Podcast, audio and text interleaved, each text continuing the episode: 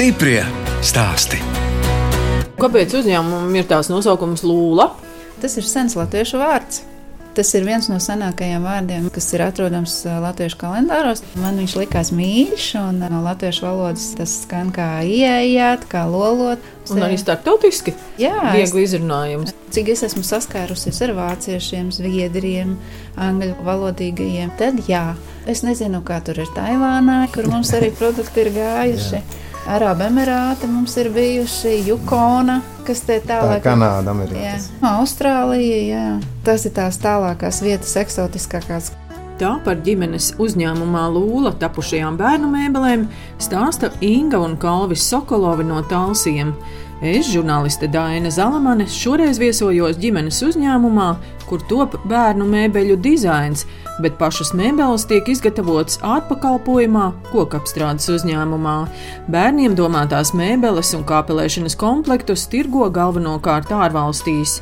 Inga un Kalvis Sokolovi dzimuši Talsu novadā. Esam vietējie. No matu galiņiem līdz papēžiem. Bet pilsētnieki vai tomēr arī ar kaut kādām saknēm laukos? es esmu uzaugusi pie vecās mammas. Bērnu dārza vietā. Vecai mammai māja bija tieši pretī Iģenes baznīcai Zemturi, Vanzens pagastā. Un ā, šī baznīca ir vecākā koka baznīca Baltijā. Tā kā mans tēvs vienmēr ir bijis vadošos amatos, tad es kā bērns šajā baznīcā iekšā vispār netiku bijusi, jo baidījos ka par to, kāds var tikt sodīts un var pazaudēt darbu. Nu, padomāju, Bet nu, bērnība kopumā man bija Aspāzijas cienīga, ļoti, ļoti skaista, ar trusīšiem, kaķīšiem, cālīšiem un, un visu pārējo ar ļoti skaistu dārzu un, un, un ļoti mīļiem vecākiem. Mēs vēl bijām četri mazbērni. Nu, aptuveni vienā vecumā. Tā kā mums omammai garlaicīgi nebija, protams. Patiesībā es jau skolā mācījos. Man ļoti, ļoti patika daudz ko radīt, izdomāt. Un toreiz tas bija vairāk apģērba dizains.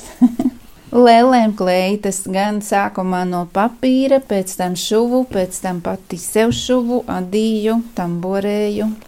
Es esmu pilsētnieks. Dzimis audzis talsos, un Jūs droši vien gājāt bērnu dārzā. jā, es gāju arī silītē. Silīte es tiešām neatceros, bet bendārs bišķiņ, bišķiņ atceros. Viena vecmāmiņa bija talsos, pilsētā, un otra vecmāmiņa bija laukos. Dzīvoja ģibuļu pagastā, nepat 10 km no talsiem. Trusīši, gotiņas, cūciņas, viss tur bija. Bet bērnībā tas ir svarīgi, vai ne? Dzīves. Jā. Tas ir svarīgi. Beidz slaidas tehniku un celtnieks, bet neesmu strādājis nekad celtniecībā. Ļoti patīk nodarboties ar sportu. Sports vairāk aizrāva un futbolu spēlēju, basketbolu mācījos sporta pedagoģijas akadēmijā uz basketbolistu, lai es neesmu nemaz tik garš, bet tie bija tie juku laiki, 90. gada sākums, tieši padomu armija vēl bija pēdējais iesaukums, un tad bija jāizvēlas vai iet mācīties, un tad labāk bija mācīties. Un pēc tam jau 90. gadi sākās, un tad izbraukāja arī plašo Krievzemi, biznesa taisījām. Tagad viņi sauc par biznesu, bet tad bija spekulācija 90. gadu sākumā. Nu, ko tu jūs tur tirgojāt? Visu kaut ko, visādas preces, jākas, džemperus. Tad nostrādāja trīs gadus. Rīgā dzīvoja četrus.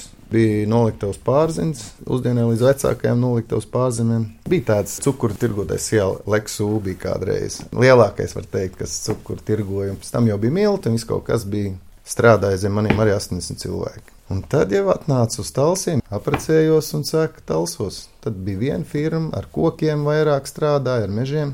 Un tad viss tie juklaiki, Tas 2008 krīzes, un viss bija jāmācās dzīvot tālāk. Tas ir tik vienkārši. Nu, nav jau vienkārši, bet nu, jāmēģina, jādara. Savādāk jau nav variantu. Ēst gribās. Nu, trīs bērni. Jā, un viņiem arī gribās ēst. Skolā jālaiž, kaut kas jādomā. Inga. Meitenēm jau patīk mācīties, vai ne? Kalvis tur nepabeidza tur to sporta akadēmiju, mm -hmm. bet meitenes jau vienmēr ir uz mācīšanos vairāk. 2007. gadā beidzu maģistratūru psiholoģijā. Es pēc izglītības esmu sociālais psihologs ar specializāciju mārketingā.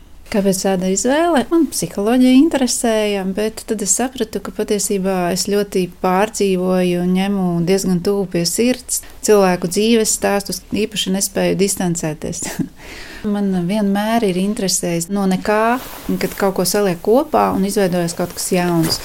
Un eh, kaut kas līdzīgs ir arī psiholoģijā. Vienmēr radās jautājumi, kāpēc. Starp citu, man tas jautājums ir, kāpēc es pati sevi ļoti maziņu atceros, kā es visiem kritu uz nerviem ar savu kāpēc. Ja es biju kāpēcīgs. Droši vien es meklēju atbildes uz jautājumiem sev un atradu arī eh, uz tādiem jautājumiem atbildes, uz ko es toreiz varbūt necerēju atrast. Inga Sokolova Talsos vadīja pieaugušo izglītības centru. Sākumā mēs bijām divas, un, un, un pēc tam es paliku viena. Nu, pirms pāris gadiem pieaugušo izglītības centru likvidēja, bet nu, tad arī tieši sākās Covid. Man žēl, ka ļoti daudz lauku pašvaldībās nesaprot, ka cilvēku resurss ir resurss un ka tas ir resurss, kas ir jātīsta, ka tas ir ļoti, ļoti svarīgi. Kad es kļuvu par pieaugušo izglītības centra vadītāju, Es stāvēju dilemmas priekšā, kas tad ir tas svarīgākais - floristika, angļu valoda vai grāmatvedība. Principā tās iespējas ir ļoti lielas, ļoti plašas, un uh, ienākot dzīvē, digitalizācijai tās iespējas pavarās vēl plašākas, un vajadzības ir vēl vairāk. Var teikt, ka stāsts ir pa vairākiem līmeņiem. Viens ir cilvēka pašizaugsmē, piemēram, pie manis mācījās cilvēki, kas bija pārdzīvojuši ļoti smagas slimības, un, teiksim, lai atgrieztos sabiedrībā un sajustos liederīgs, tad brīdī tā bija floristika, uz ko viņi nāca un iesaistījās. Un tad eh, daudzas meitenes bija tādas, kas apguva floristiku un tirgoja pušķīšus tirgu, kas tā kā biznesa ievirze. Tad nākošais līmenis varbūt ir eh, tāds, ka nu, cilvēks jau strādā kādā darbā, bet viņš vēlas eh, pilnveidot zināšanas kaut kādās konkrētās jomās. Un tad tā ir tā angļu valoda, grāmatvedība, lietvedība. Kaut kādu grupiņu norganizēt, kam interesē viena un tā pati lieta, un tad tur mācās kaut kādi desmit cilvēki. Pasniedzēju, jā, un piesakās un mācījās. Protams, tals ir diezgan maziņi, un saorganizēt grupu, kas vēlās mācīties vienu un to pašu, ir diezgan sarežģīti. Es zinu, ka, piemēram, grāmatvedis ļoti daudzus pēc tam arī darbu dabūja. Tad nākošais līmenis uzņēmējiem un vadītājiem, kas strādā ar cilvēkiem, un kam dažādas zināšanas ir vajadzīgas gan tieši nozarē, kur piesaistīt lektoru, piemēram, metāla apstrādē vai koku rūpniecībā. Tās iespējas ir ļoti plašas un patiesībā jau vajadzīgas. Stiprie stāsti.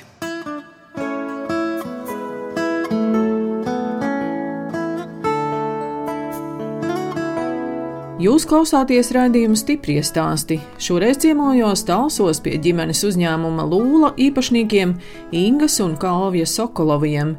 Kalvis ir uzņēmuma direktors, bet Inga ir dizainere, un ar viņiem tiekos vienā no uzņēmuma noliktavām, kas atrodas Talsu vēsturiskajā centrā. Inga stāsta, ka uzņēmums Lūla nodibināts pirms pieciem gadiem, bet mēbeles sāka tirgot pirms diviem gadiem. Mēs sākām savu biznesu no nulles. Mums nav nekādu kredītu, mums nebija lielie uzkrājumi izveidoti, no kā kaut ko veidot.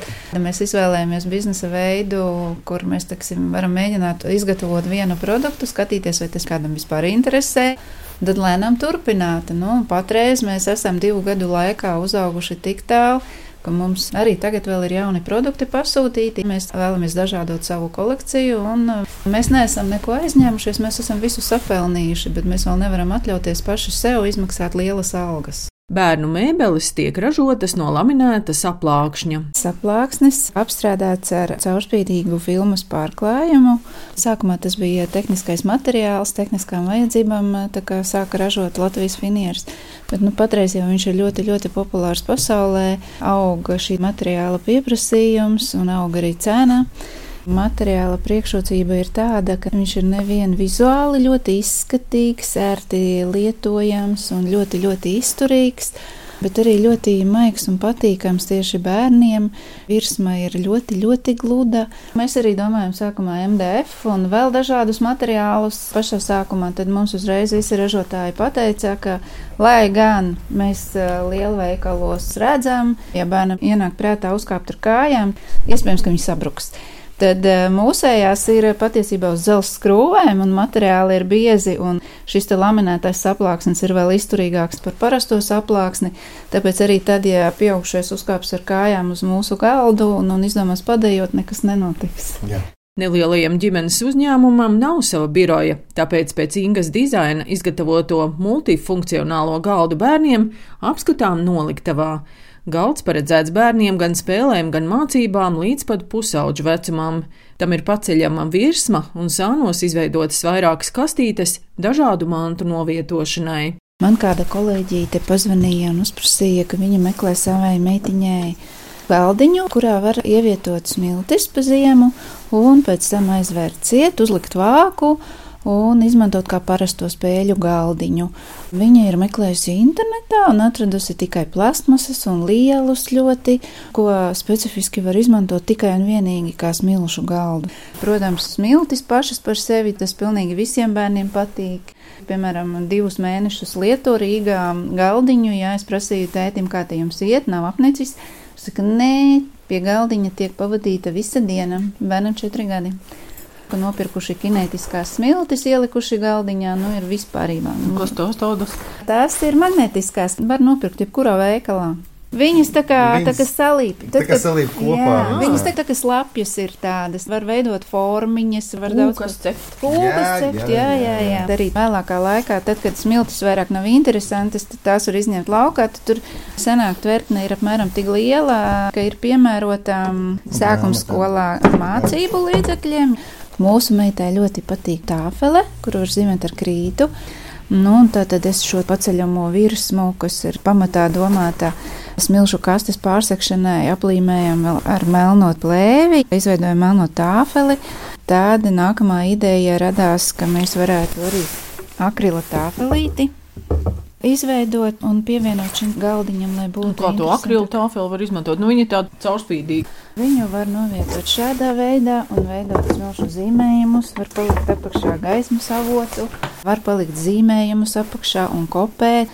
Un arī var piebilst, arī tāfelīte ir, ir četri caurumiņi sānos, kurus pēc tam var arī pie sienas pieskrūvēt. Ar pie jā. sienas. Nu, protams, pārējās kastītēs var ielikt zīmolīšus, dažādas bumbiņas, pērlītes, gliemežu vākus. Akmentiņus. Nu, visu, ko mazs bērns varētu Jā. vākt, vai ne? Jā. Jā, zirnīšus.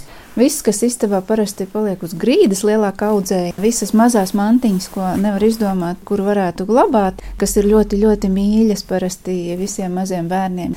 Tad mēs te droši varam salikt iekšā un mainīt. Un tas ir papīra rullītis, kuru var pārvilkt pāri galdiņam, atkal zīmējot ar ah. ūdenskrāsām.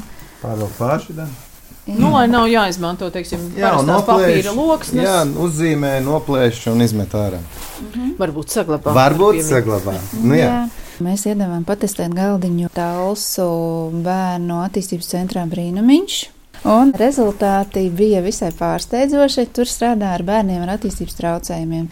Pie Montesori skolotājas bija nākusi meitenīte, kas vispār nepievērsa uzmanību Montesori kabinetā nekādām spēlēm, nekādām rotaļlietām, nekām. Ar autisko spektra traucējumiem viņa vienkārši bija pavadījusi nodarbības riņķojot pa telpu.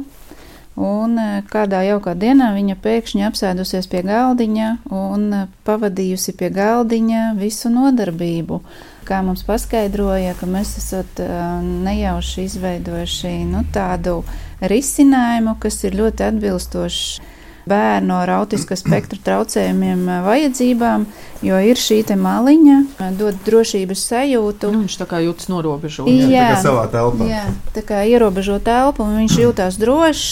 Bērni ļoti ātri aug. un Kā jūs izdomājat, cik tas galdiņš būs augsts? Nu, par ticīgi mums ir pašiem trīs bērni. Mēs zinām, kādas ir. Pašu pieredze lika domāt par to, kādā veidā piedāvāt ilgstošākam laika posmam, tā lai tas kalpotu no viena gada līdz pusauģu vecumam. Mums ir galva trīs augstumos. Te var redzēt, cēnā ir, kur var pacelt augšā. Ir tas zemākais, tas ir aptuveni no divu gadu, var teikt. Nu, kad bērns sāk sēdēt normāli. Un savukārt augstākajā režīmā arī es varu sēdēt un strādāt pie šī galdiņa. Man viņš var būt nu, nedaudz ir par zemu, bet principā krēsla augstākais režīms ir tāds, kā ir arī pieaugušo krēsliem. Inga izveidojusi arī dizainu bērnu skapim un plauktam, kas atgādina vecā parauga televizoru. Tas ir vienkārši plauktiņš, patiesībā arī kaķim noderīgs. Ja kaķim ieliek madracīti un izņem vidējo plauktu laukā, tad tā var sanākt pat kaķu māja, tā ir leļu māja. Tā var būt garāža, tur var arī skolas vecumā grāmatas glabāt. tā kā dažādām vajadzībām. Un tas ir krēsliņš ar tādiem ritenīšiem. Jā, tas ir mūsu vīlu komplektiņa krēsliņš. To ir izstrādājis itāļu dizainers Ezio Pestacori. Un kā jums sākās sadarbība ar Itāļu? Viņš bija ievērojis mūsu produktiņus un piedāvāja pakalpojumus, ka viņš ir gatavs arī izstrādāt priekš mums kādus produktus. Tas skapis. Tas ir Jā. jauns produkts. Cik interesantā forma, tāda skapis bez durvīm. Jā. Tās sajūtas arī tagad, eh, domājot par produktiem, kas man varbūt pašai būtu paticis. Man patika slēpties skapī. Tā lai es varu, teiksim, aiz maliņas skatīties, kas notiek. Tā doma ir, jā, vairāk varbūt nevis pat drēbju karināšanai, bet eh, vairāk, lai bērns varētu tajā arī spēlēties, tur var apakšā salikt rotaļlietas vai apaus, ko nu vecāki vēlās, bet bērns var iekāpt skapī, uztaisīt leļu gultu vai leļu māju un uh, spēlēties tad, kad viņš to vēlās. Nu, Inga nav tik traki, tur jau ir arī tomēr stāvoklis, kur drēbes pakarināt. Tur var arī uzkarināt aizkariņu vai segu, un tad tur atkal veidojas cita veida mājiņa. Uzņēmumā Lūla radīta arī dažādi kāpelēšanas komplekti. Principā tie ir divi, trīs stūri, arka, kurā var šūpoties, kas ļoti patīk fizioterapeitiem, jo ļoti bieži eh, ražotāji veido šīs te arkas kā pusapli. Tad viņas ir bīstamas, var apgāzties un ir eh, diezgan grūti izmantojamas. Kādreiz bija šūpuļu zirdziņš, kur bērns šūpojās, bet tagad ir tā tad radīts dizaina elements, kur bērns guļ visā garumā un šūpojās. Ja? Nu, principā, jā, ne tikai šūpojās, viņu var lietot arī otrādi. Kā kāplējumu. Jā, tad bērns var mācīties rāpot. Bērnu mēbeles, protams, nelielos apjomos, galvenokārt tiek tirgotas ārzemēs. Pirmais produkts tika pārdots 20. gada janvārī. Tas bija galdiņš, un tas aizceļoja uz Austrāliju. Tas mums bija milzīgs pārsteigums, protams, patīkams. Ja 20. gadā lielākoties mēs tirgojām uz Ameriku, tad eh, tagad eh, Eiropas valstis visvairāk ir tomēr Vācija, Francija, Beļģija, Dānija, Nīderlanda. Un tirgot jūs tikai caur mājaslapu. Nē, Etsy veikalā mēs arī tirgojam. Nu, jā, tas ir mājražotāju amatnieku Mm, jā, Jā, jā. veikals. Mm -hmm. Tā problēma Etsijā ir tāda, ka rodās ļoti daudz jaunu uzņēmumu. Kā mums te minēja apaļkoku tirgotājs, ko mēs izmantojam, no viņa viena apaļkokus šiem kāpelējumiem ņem apmēram vairāk kā 30 uh, latviešu uzņēmumu. Ražotāji. Līdz ar to jādomā, ka lielākā daļa tirgo tieši Etsy. Un latviešu vien jau ir ļoti daudz, bet ir ukrāņu ražotāji. un- Tāpat poļi, grūzīni. Cenu ziņā mēs nevaram konkurēt, bet um, mēs esam kā premium produktu ražotāji. Mēs cenšamies būt unikāli, vienreizēji un izcelties ar kaut ko atšķirīgu. Ļoti jauki, ka jums ir tāda nepieciešamā pašapziņa, vai ne? Ka nu, eksportspējīgs produkts, premium klase. Droši vien, ka ir tām ambīcijām tomēr arī jābūt. Teorētiski, jā. Mēs jau arī cenšamies, jā, bet ikdienā jau nemaz tik viegli nav. Un, protams, visu nākās mācīties no jauna. It kā likās, ka nu, man tā pieredze diezgan liela, un, un, un es tur daudzas lekcijas klātienē esmu klausījusies, un ar speciālistiem, ekspertiem runājusi, un pašai zināšanu daudz. Bet tad, kad tu reāli dari un strādā, tad izrādās, ka tomēr pamāc. Nu, Visu laiku ir kaut kas jauns. Es tagad mācos, piemēram, arī 3D grafiku. Nevienmēr tu vari piesaistīt speciālistu, un ka tev ātri kaut kas ir jāizdara, un tad ir vieglāk izdarīt pašam, bet tu tās zināšanas tomēr pietrūkst. Lūla no citiem uzņēmumiem atšķiras ar to, ka mēbeles tiek gatavotas ārpakalpojumā. Ir ļoti daudz jaunu uzņēmumu, kas riskē, mēģina sev iegādāties kaut kādu aprīkojumu un maksā darbiniekiem. Mēs izlēmām, ka patiesībā daudz ērtāk, izdevīgāk un ar labāku kvalitāti ir ņemt ārā pakalpojumu. Kas mums, teiksim, ilgtermiņā arī noteikti atmaksājās. Jo, teiksim, riskēt vienu produktu, piedāvāt tirgu un gaidīt, ka mēs mēnesī varēsim nopelnīt daudziem cilvēkiem algas, tas ir nesaprātīgi. Savukārt, ņemot ārpakalpojumu, mums ir pieejamas dažādas tehnoloģijas, dažādi speciālisti. Mēs visu laiku varam ieviest daudz ko jaunu un meklēt jaunas iespējas. Nu, es tā pieļauju, ka jūs sadarbojaties ar tādiem cilvēkiem, kuriem jau ir datori, jā, Jā, un tur protams. tiek ieprogrammēts detaļas. Galdi, viss, Jā. viss, viss, viss. Ļoti dažāda veida Galdnieki. Mhm. Un arī bagāta pieredze darbā. Mums galdiņa virsma, ar ko mums ir ā, diezgan liels problēmas, ir tā, ka virsmu saliek galdnieks. tam cilvēkam ir jābūt ar atbilstošu pieredzi darbā. Mēs arī galda virsmu sūtām iepakojumā veselu, jau izgatavotu. Jā. Tas galdiņš vizuāli jums tur ir salikts kaudzītē, izskatās tā kā tādas kastes būtu sakrautas. Nu, jā, tieši tā. Jā, bez kājām. Nu, jā. Aug cenas ļoti strauji koku materiāliem, patreiz visiem resursiem, pilnīgi visiem materiāliem. Un šobrīd ļoti... jau visam aug, ne tikai Jā. koku materiāli. Nu, tas, teiksim, jaunam uzņēmējam, kas tikko iesāk un kam nevar būt uh, milzīgs apgrozījums, tas rada diezgan daudz sarežģījumus. Nu, un sanāk tā, ka tāds jaunais uzņēmums kā mēs nepakļūstam nezem kāda valsts atbalsta.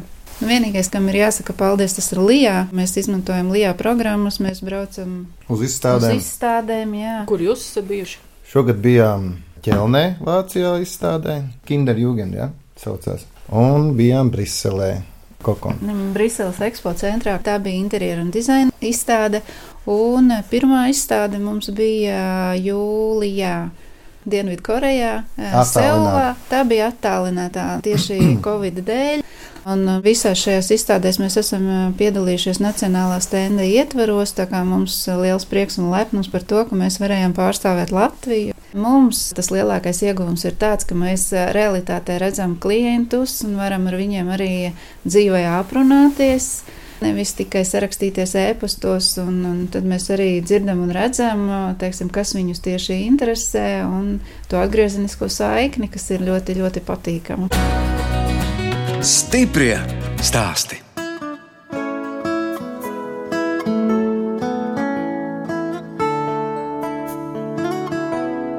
Jūs klausāties raidījuma stipri stāstī. Turpinot ciemoties tausos pie uzņēmējiem Ingas un Kalvija Sokoloviem, kas ģimenes uzņēmumā Lūla izstrādā dizainu bērnu mēbelēm. Sokoloviem ir trīs bērni. Jaunākā meita Selīna Sāra ir skolniece, dēls Roberts un vecākā meita Dane, kas kopā ar vīru, arī tālsinieku un divām meitām dzīvo Norvēģijā. Puisis ir no talsiem. Ir vietējais, jā, viņi iepazinās šeit. Un sanāca tā, ka 2009. gadā veidojās krīze. Un viņš bija ļoti labs IT speciālists Rīgā, lielā uzņēmumā, un viņiem samazināja algu šai nozarei pavisam nepamatoti. Un tad mūsu Jānis apvainojās par šo un sameklēja darbu Norvēģijā. Viņš ir ļoti augsta līmeņa speciālists lielā Norvēģiju kompānijā. Viņi ir iekārtojuši savu dzīvi, nopirkuši māju un, un divas elektromobīļus. Tā Viss kā, kārtībā. nu, jā, labi dzīvo, un meita strādā veikalā. Viņa tur iekārto dizainu. Un uh, mazmeitiņas mācās skolā, un uh, viņam skola ļoti patīk. Ir sanācis tā, ka mūsu jaunākā meita iet vienā klasē, sastajā klasē tieši tāpat kā mūsu mazmeitiņa Norvēģijā. Un tad mums ir tāda laba iespēja salīdzināt abas divas mācību sistēmas. Mums ir laba iespēja būt klāt bērnu sarunās, ko viņi saka par savām Bet runā skolām. mazliet latviešu. Jā, jā, jā. jā. Jā, protams, runā latviešu, bet latviešu valodiņa ir nedaudz tāda lēnāka nekā norvēģu valoda. Un mēs arī mēdzam vārdiņus mainīt vietām, kaut kā interesanti. Kaut kā- Nu, bērni droši vien domā norvēģiski. Nu, jā, Nu, nu, jā. skolā tur Jā. tā nevar izbeigt. skola. bet mācās ļoti labi, viņām skola patīk. Norvēģijā bērni iet arī brīvo laiku pavadīt eh, uz skolu ļoti labprāt. Un, un Nu, jūs jau arī aizbraucat apciemot, ne? Un viņas Tas brauc ir- uz šejienu. tas ir ļoti tuvu un ļoti ātri. Viņi pirms tam dzīvoja Rīgā, un mēs satiekamies apmēram tikpat bieži. Tagad pēdējie Jā, divi tagad gadi jā. ir tādi, kādi ir, Mhm. bet visu laiku jau bija elementāri iesēdies stundu un es tur Un ko Nu, tad. Roberts dara? Roberts iestājās Tehniskajā universitātē Rīgā, bet negribēja tomēr mācīties, ka nebija tas, ko viņš bija cerējis. Tā augstākā matemātika likās, ka viņš tam neredz pielietojumu. Pārstāja studijas un aizbrauca strādāt uz Nīderlandi. Viņš strādā uzņēmumā, kurā iepako. Apple produkciju. Jā. Un Šobrīd. viņš ļoti apmierināts. Strādā kopā ar citiem četriem puišiem no Latvijas, no Talsiem. Un mazā meita? Kas tad mazo meitu interesē? Mazā meita mums ir dziedātāja. Šajā pašā ēkā blakus ir mm, dziedāšanas studija, tonis, Tonis, jā. ko vada Kristīne Broka Meļķe. Viņai ļoti patīk. Nu, redzēs, kā tas izvērsīsies, jo mums jau arī šo laiku Covid ir diezgan patraucējis. Un tagad mums tas pusauģu vecums, mums ir diezgan spēcīgs raksturs un tāds pats droši vien kā man, iespējams.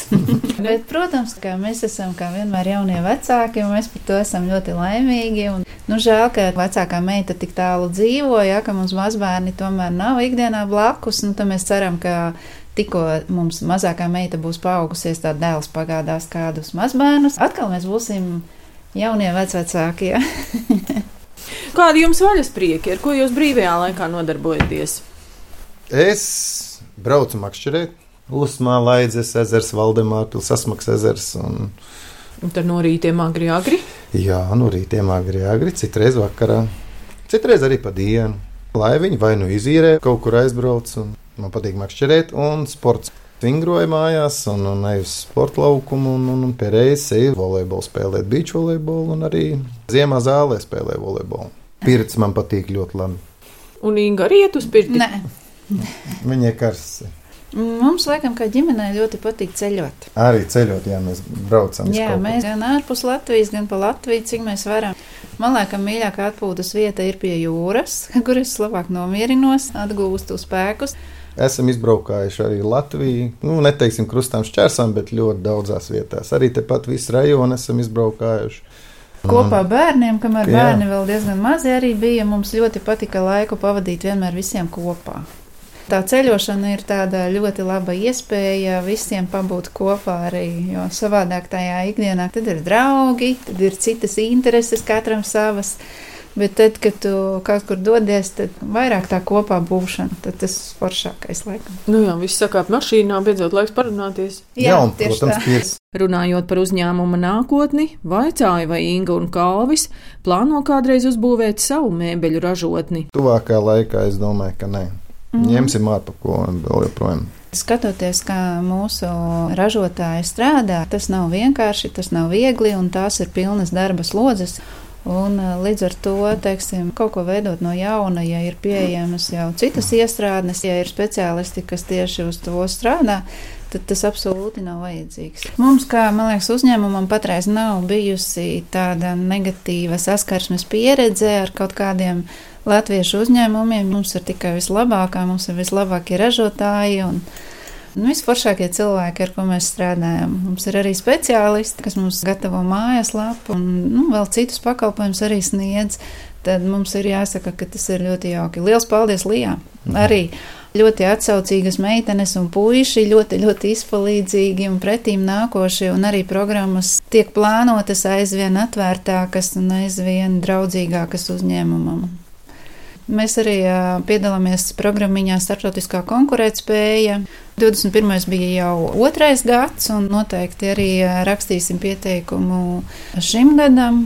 Tur gan tiek izstrādāti dažādi reklāmas materiāli, gan arī ir palīdzība izstāžu apmeklēšanai. Nu, dažādā veidā eksporta pakalpojumi tiek atbalstīti. Par tālsiem izstāstiet, kas tālsos varbūt ir tāds labs, kas jums šeit patīk. Daba man patīk. Pat pilsēta kā tāda. Cik bija pakalni? Deviņi. Deviņi, deviņi pakalnu pakalnu pilsēta. pilsēti. Jā. Man patīk arī cilvēki, man draugi. man te ir no bērnības, ar kuriem es uzturu visu laiku kontaktu. Gribētos, protams, lai tāls attīstās un nekļūst par lauku ciematu. Un daudzas lietas, ko uzlabot un pilnveidot, un tā infrastruktūra viena. Protams, tas ir mūsējas mājas, jā, un, un, protams, mums te ir ļoti daudz pazīstamu cilvēku, ir ļoti daudz atsaucīgu cilvēku. Te ir mūsējās saknes daudzās paudzēs.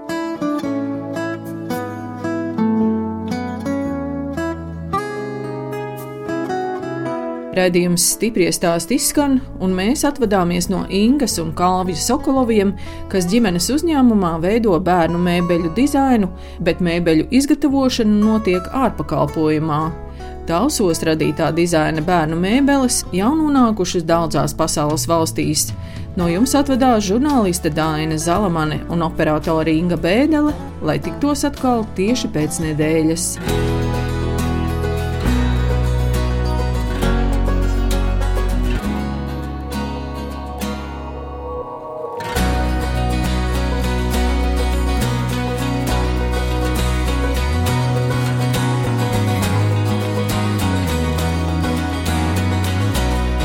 Stiprie stāsti.